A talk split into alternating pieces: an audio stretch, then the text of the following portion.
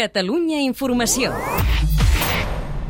Hi ha 8 detinguts, 33 investigats i 16 milions d'euros en material confiscat. És el balanç de l'operació policial que es va fer la setmana passada a la Junquera, a l'Alt Empordà, per desmantellar una organització dedicada a la fabricació, distribució i venda de productes falsificats.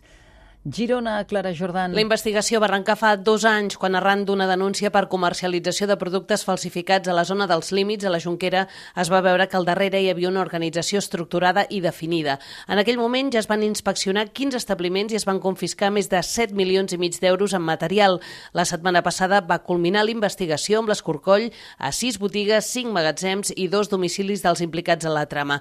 Es van intervenir més de 60.000 productes valorats en 16 milions d'euros i més de 200 quilos de logotips metàl·lics de diferents marques. I és que venien dos tipus de productes, uns que procedien de Portugal ja acabats i uns altres neutres que venien de la Xina, els quals afegien els logotips per fer-los passar per una o altra marca. Els detinguts investigats se'ls acusa dels delictes d'organització criminal contra la propietat industrial i blanqueig de capitals.